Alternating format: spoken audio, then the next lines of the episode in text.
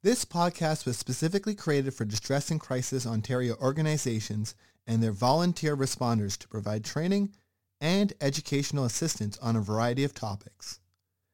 As information evolves and changes, these podcasts are meant to offer ongoing support with the goal of updating them on an ongoing basis. We thank the volunteer responders and the contributors to this podcast. Please visit our website, dcontario.org, for more information and how to access free mental health services. Thank you.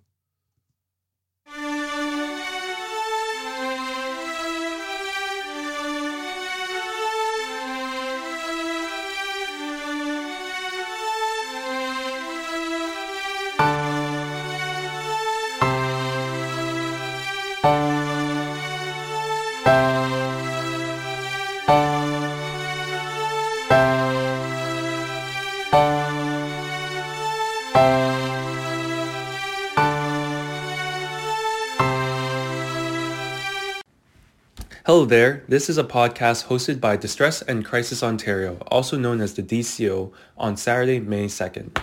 Good afternoon, listeners. My name is Matthew Sem, and today I'll be your host. A little bit about me. I'm currently a board member with the DCO and a second-year medical student at the University of Toronto. I was a past crisis line responder for over three years with numerous suicide prevention agencies.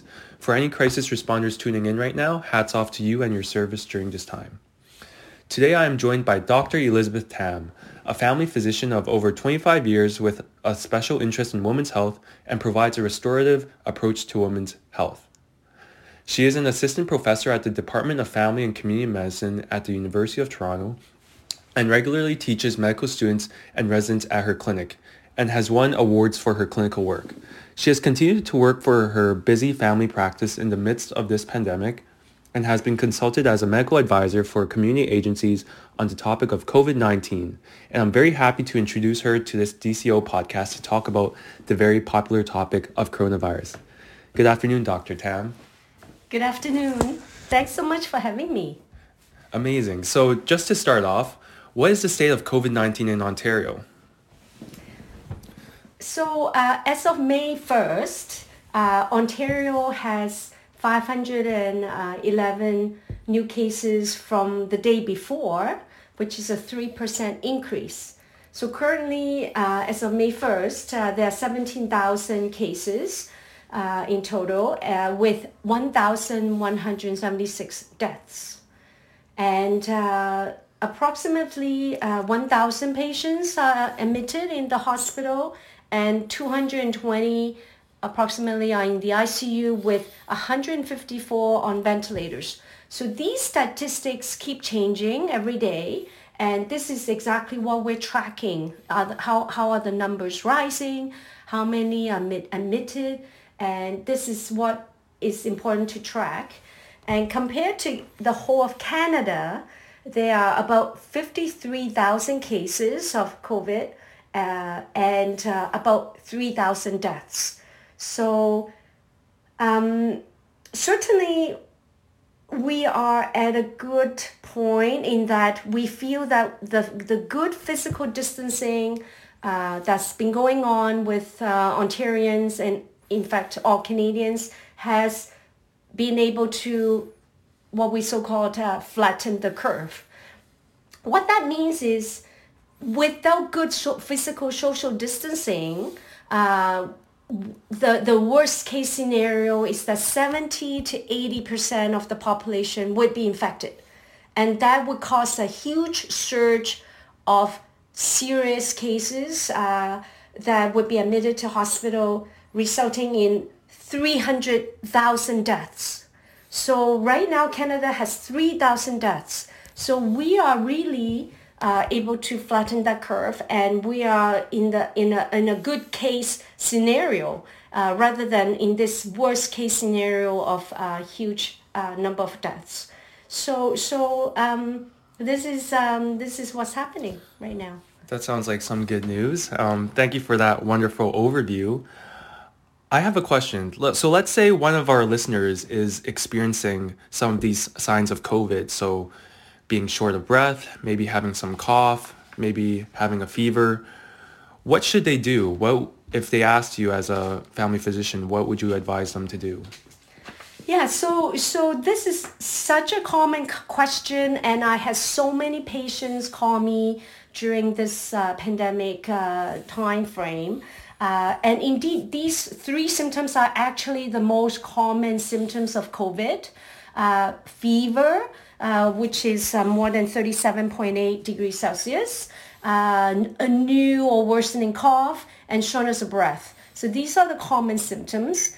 But it's important to note that a lot of patients have other symptoms that they would tell me about, and these are possible symptoms of COVID-19, which is sore throat, runny nose, uh, nasal con- congestion, uh, hoarse voice, difficulty swallowing, uh, a change of taste and smell, and very important to know is that digestive symptoms, which a lot of people don't know about, such as nausea, vomiting, abdominal pain, could also be symptoms of COVID-19.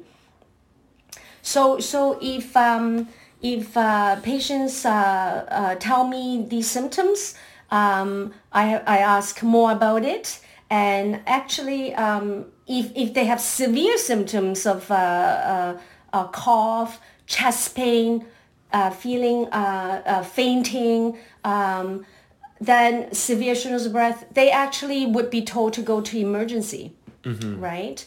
But if the symptoms are not very severe, uh, I, fur- I further ask them other questions such as their age. Um, actually, I would know because they are my patients. Mm-hmm. Uh, if they are more than 65, mm-hmm. if they have a history of immunocompromised state, mm-hmm. uh, such as cancer or HIV infection, lupus, some of the autoimmune conditions, if they are on auto uh, uh, immune uh, uh, treatments such as chemotherapy or not autoimmune treatments, but mm-hmm. treatments for immune immunocompromised states. Mm-hmm. Um, then they are also more at risk and I would also find out about that and also any travel history still, any household contacts, actual contacts with COVID positive patients. All of these play a role into the decision whether they should go to an assessment center to be tested or whether they can safely be home and be self-isolated. Mm-hmm. So I, um, as a family physician, this is um, quite common for patients to ask these questions and they really, rightly so, need to uh, find out and I would give them advice about that. Mm-hmm, mm-hmm. I think that's an excellent segue into the next question I want to ask. Um, what and it's a question that I'm sure is on, on a lot of people's minds. Um, when and what should people expect if they visit a COVID assessment center? Yes. So if um, first of all, actually, people should know that, uh, and I think a lot of people know that uh, there's the uh, COVID-19 self-assessment tool online. If um, if they have access to the to the computer uh, and they could do that self-assessment, uh, they will have an idea whether they should go to the assessment center or not because it tells you about that. Um, but after that, they could certainly call their healthcare provider, such as me, a family physician, or the nurse practitioner, uh, community health uh, center, or, or even telehealth uh, Ontario. Mm-hmm. Um, uh, they could also call the public health uh, unit, although they, they say they, they there is a, a, a, bit of a backlog uh, uh, initially patients were telling me there's a long wait to uh, get a call back from them. So um, anyway, if, if they can uh, access and talk to us and we refer them to the assessment center, uh, that's, uh, that's uh, usually the way to go. Now, there are quite a good number of assessment centers in Toronto, in Ontario, and uh, they're all different. They all have different criteria for testing. Now, the one close to me is uh, in Etobicoke. Uh, it's a drive uh, through assessment center, and that's quite uh, wonderful. You you you don't have to leave your car. You you can drive up in your car and you stay in your car for the assessment and testing. So again, there there's the uh, guidelines for testing uh, who should get uh, swabbed for COVID-19 and not everyone who goes to the assessment, ten- assessment center will be tested. Mm-hmm. So it is a good idea to to you know talk to your healthcare provider and and sometimes it may save you a trip right but uh, if you go some of them will uh, screen you and decide to test you or not. Some of them actually will not see you. You actually need to book an appointment to go to some of the assessment centers. So it is good uh, to check with your healthcare provider first and also maybe find out your local assessment clinic what the criteria for testing is. Um, currently, the guidelines are changing always and we keep keep up with it, but certainly uh, the, the guidelines have broadened uh, for testing. Uh, any uh, a lot of the essential workers are being tested if they have symptoms and um, exposure. Uh, a lot of, uh, of course, in terms of the long-term care setting, the um, other facilities whether aggregate uh, or uh, a group setting, uh, there there's more uh, testing going on. Um, so so we we have to keep up to date with the testing, but uh, so far so it's been uh, working well. Mm-hmm. Wonderful. So we. So we talked a bit about um, testing, and you provide a lot of very useful information that I'm sure is going to be very valuable to a lot of listeners. So thank you so much for that. I want to touch uh, very quickly on treatments. So, are there any current treatments for COVID? I'm sure this is a lot of um, is what on a lot of callers' minds. So, um, just wanted to hear a bit of your thoughts about that. Yeah, very good. That's a good question. You know, I think uh, a lot of uh, drugs are mentioned uh, on the internet, on on uh, on news, and discussed about currently there is uh, no uh, guidance, no current evidence to recommend any specific anti-COVID-19 treatment for patients with confer- confirmed COVID-19. So there has not been found and with any good evidence that there's any particular treatment we would recommend. And uh, I, I also keep up to date with uh, that and uh, keep uh, keep looking for what they they are talking about um, in the medical literature. Uh, there's a, um, a paper published uh, in our Canadian Medical Association journal uh, on April 9, 29th, 2020. And, and the paper is uh, treatment of patients with non-severe and severe coronavirus disease in 2019 evidence-based guidelines. And the only, only uh, recommendation is there's a weak recommendation for corticosteroid uh, um, treatment in patients with um, acute respiratory distress syndrome ARDS. So it's a it's a it's quite a severe case of uh, COVID, and these patients are, are certainly hospitalized and probably in the ICU. So there's a weak recommendation. That's the only drug. So a lot of people are hearing about hydroxychloroquine, chloroquine, and um, that has not been confirmed to be um, a treatment. Is they they are seeing that there there may be um, um a success, but is is of this treatment, but it's really what we call in vitro, meaning not in the human uh, uh, population. So it's just still being under study. A lot of drugs being uh, studied. There, there's the group of drugs used to treat HIV infections, um, even uh, autoimmune conditions. Uh, there's uh, the right recently in the news. there's the uh remdesivir drug. It's all undergoing trials and evaluations, but as of now, there is no um, uh, evidence of any uh, treatment right now. Mm-hmm, mm-hmm. Thank you mm-hmm. for um, elucidating a bit of what's going on in the treatment side. I think it's nice to know that no matter what, um, if, if, there's going to be excellent health care and our healthcare workers are here for us. So um, it's a very positive thought to think about that. Yes, yes, certainly if, if someone has symptoms, they go to the hospital, they will be well taken care of um, by the doctors at the hospital. They will have their oxygen checked. Um, they will be given oxygen. They will be monitored. And, and they, they uh, uh, the, the physicians at the hospital, hospitalists, uh, emergency room physicians, um, they, uh, they are all very well prepared and keeping up to date with with current uh, recommendations of treatment and you will be taken care of. And it's very important not to be fearful of going to the hospital if you have symptoms. You cannot breathe um, you have chest pain. Do not hesitate to go. Do not think that it's dangerous to go first of all and do not think that oh they're they're running short of ppe protective personal equipment or testing kits so i better not go. Do not think that if if you are having symptoms serious symptoms you need to go. Wonderful. And um, so moving on to a question that relates more to the distress center side of things, many of the distress center callers are experiencing feelings of anxiety and social isolation from the effects of the pandemic and social distancing. And I'm sure these are feelings also expressed by many of your patients as well in your busy family practice. So do you have any words of advice for our crisis line responders listening on how to help these this um, this population?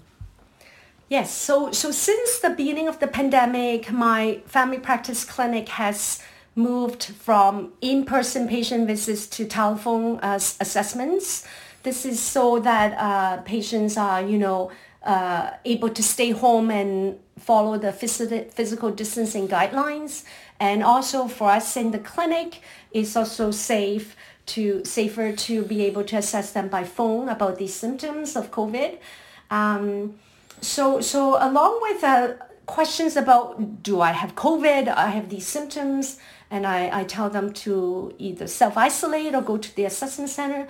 There are so many patients of mine with, um, with these uh, symptoms of anxiety and uh, concerns. Um, and, and, and it's, it's really quite understandable. You know, they're, they're at home for quite a long time. Um, that a lot of them are experiencing actually fear of catching the virus. Um, uh, if they go out, what would happen if they catch it? Um, and uh, it's very uh, scary for them. And, and then a, a number of other patients are expressing frustration and boredom. They are just so frustrated. And, um, and then some are, are worried about finances because they're out of work.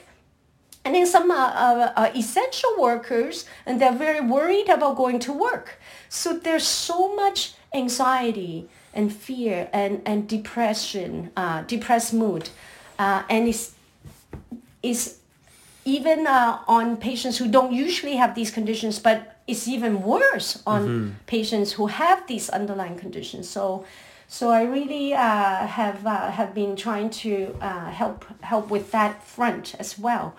Um, so your question is about what? Uh, Do you have any words of advice Yeah. for our our responders on how to counsel um, the callers who who are presenting with um, concerns about feeling anxious and feeling isolated and what what so what would you tell your patients who who feel anxious about COVID nineteen? Yes, yes. So um, uh, I have um, I I have um, thought about that, and actually, I think uh, there are about five things that you could do. The number one thing, which I think your your DCO center is very uh, adept at doing, uh, or your uh, DCO workers, is listening. The number one thing is listening. So uh, sometimes it, it's it sounds so simple, but it's so true. They just have to let it off their chest. They I, I just sit there and listen, and they, it could be quite a while. They just tell me all the things that's going on, and they'll say, okay, and then this happened, and then I'm here, and then nobody's coming, and many things. So I just listen. So that already, and and you know, just just let them talk, and you acknowledge what they're saying then the second thing is uh, I often ask, uh, what is your support? And I, I think that's what you would routinely do as well. Um, which is uh, is is are there other family members uh, in isolation with them at home, uh, and um, so so really the the more uh, difficult. Uh, uh, cases are when they are isolated and there's nobody uh, with them. So um, uh, I remember a patient who, who usually goes to work, uh, but she lives alone. So now she's not going to work, and then she's not she, she's over seventy. Uh, you you know we're recommending everyone over seventy to to stay uh, self. Uh, uh, in home quarantine to say stay home. So she's not able to see her grandchildren, not able to see friends. So she's just in in in tears um, when I called her. Uh, and so so so you so you you ask them if they could uh, use technology, right? Mm-hmm. Uh, uh internet, FaceTime, um, uh, different Zoom uh, to connect with their family members. So certainly. I think a lot of people are trying to do that, are doing it, and but certainly some of them they just need a little push to suggest that. Um, and then the third thing is actually what I usually talk every day about is exercise. So regularly, uh, many patients are not having enough exercise. Uh, even before the pandemic, uh, the, the Canadian recommendation is 150 minutes of moderate intensity exercise per week. And um, it's even more important now.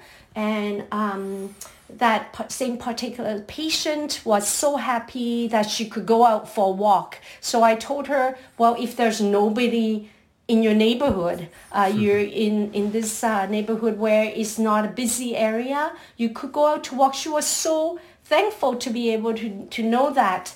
And uh, I, I told her, well, if if you really if there's really nobody you're going out early in the morning don't wear your mask because she was going to wear her mask and scarf and this and that. And I said, you cannot breathe, breathe if you do that. So, so, so she, so, so that's really what would be helpful is to find out what kind of activity they would enjoy. Uh, could it be um, um, uh, like what, what kind of exercise. And actually exercising uh, uh, quite a number of them don't have the ability to to walk outside. Then I tell them okay you can walk up and down your stairs. You can walk around the living room. Um, the thing is I said 20 minutes seven days a week would qualify for that uh, um, uh, uh, uh, recommendation. And it's not easy not difficult. This is it could be 10 minutes two, three times a day, and that would work. So exercise really I find is very helpful and um, and a lot of the patients uh, when I when they call back uh, they said that that was helping them mm-hmm.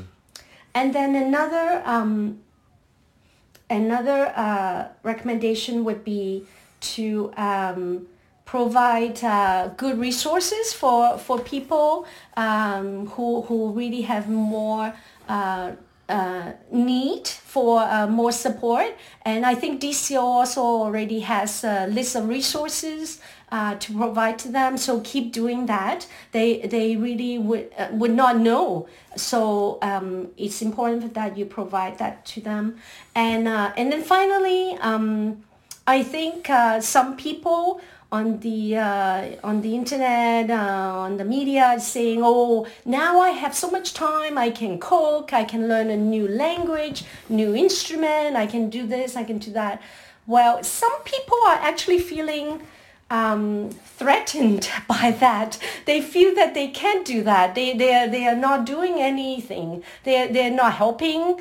They they are not feeling motivated to learn something new or share something. And then I tell them, no, you don't have to. It's okay how you are. You are who you are. And um, you, you cannot all of a sudden think that you could do all these different things. And just to, just to not feel that, that, that uh, you have to do all these different things and not, not be overwhelmed. So it's a re- really just listening to them if they feel they could do something new, then encourage them. But if they are feeling overwhelmed, certainly don't recommend them to do all kinds of things and just to you know do do these some of these mm-hmm. other uh, activities that they could do. Mm-hmm. Mm-hmm. Those are really excellent insights, and I'm sure would be very valuable for our responders um, and listeners. So just to wrap up, we've discussed a lot of, about COVID today, and um, I'm sure this final question is one that's on a lot of people's minds. Um, so when, so this question is about the social distancing bylaws and when will can we as a society expect to see these bylaws being lifted and we can start functioning like a society again, going to restaurants, going to social gatherings, seeing friends, going to the park. So I know this is a bit of a tough question in this um, in this climate, but I want to ask if you can comment on when do you think these bylaws might be potentially be lifted? Ah, that's the million dollar question. um, yeah, there, there's a lot of, of, talk about how to reopen and uh, the simple question from patients and uh, friends, myself, is like, when can we go back to normal, like mm-hmm. before? And it's a good question. Um, I think the key is that we we need to follow uh, what Public Health Ontario tell us. Um, the thing is, yes, as we said, we have flattened the curve, um, and we haven't seen this huge surge that ha- of sick COVID patients who ha- who would overwhelm our health system, and that has not happened. Uh, we, but we need to know that in the long-term care facilities, currently we do have a bit of a crisis. Um, there, there's currently about 200 homes, long-term care facilities with outbreaks, right? And um, uh, just to give you some statistics, uh, 2,500 residents affected, uh, about half of that 1,200 uh, staff at these facilities affected, infected, and there are about 578 deaths um, from these long-term care homes. So it's still a, a serious situation, and um, yes, in the community, um, there there's a good uh, uh, good uh, um, decrease in uh, in the in the in the infection rates. Um, earlier on in the uh, pandemic, the infection was doubling every three days now it's doubling every 16 days. This is really good news. So the key is that we don't want to open up and have a surge again, right? Um, we don't want to squander what we have done with all this uh, physical distancing, which Ontarians and Canadians have, have done so well. Um, so I can foresee the, um, you know, of course, uh, uh, Premier Ford has also uh, mentioned how, how to reopen, but you know nobody has this firm plan yet. Really, is because we we have to see how the daily numbers are, and we need to see that it's really not increasing for two to four weeks before we keep opening things. But the first thing is they are talking about uh, letting some of the um, non-urgent surgeries and services at the hospitals to to occur.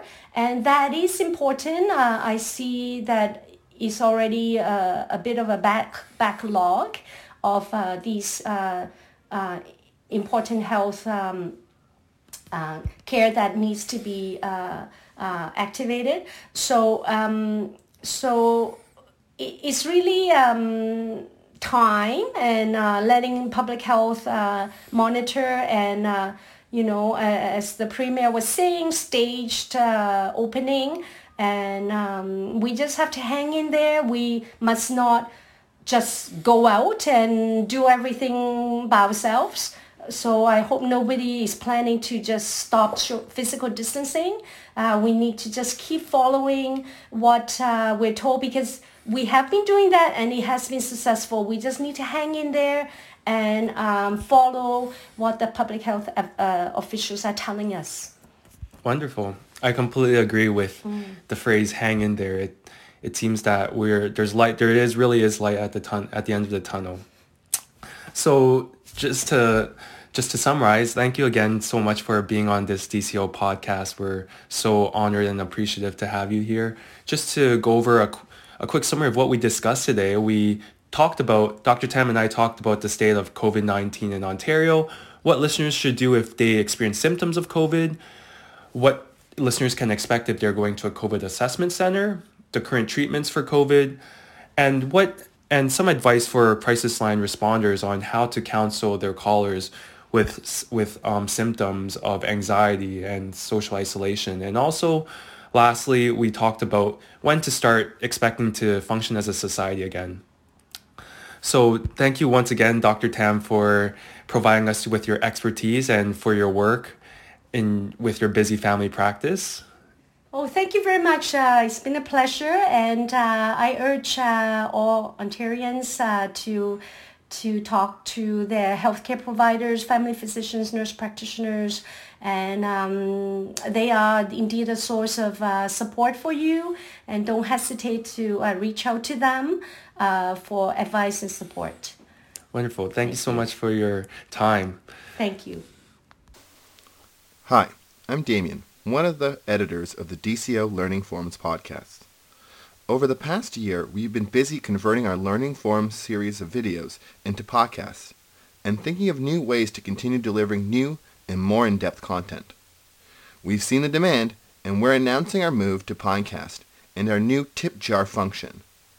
Please consider going to tips.pinecast.com slash jar slash distress and crisis Ontario and donating and in return we'll be recording new follow-up episodes on some of our most popular topics. These will be accessible for tippers only and will help pay for travel, web hosting, etc. For the interim, you'll still be able to access existing content on both on both the Pinecast and Fireside feeds for free, but eventually we'll be making the switch to Pinecast. Thank you for your understanding.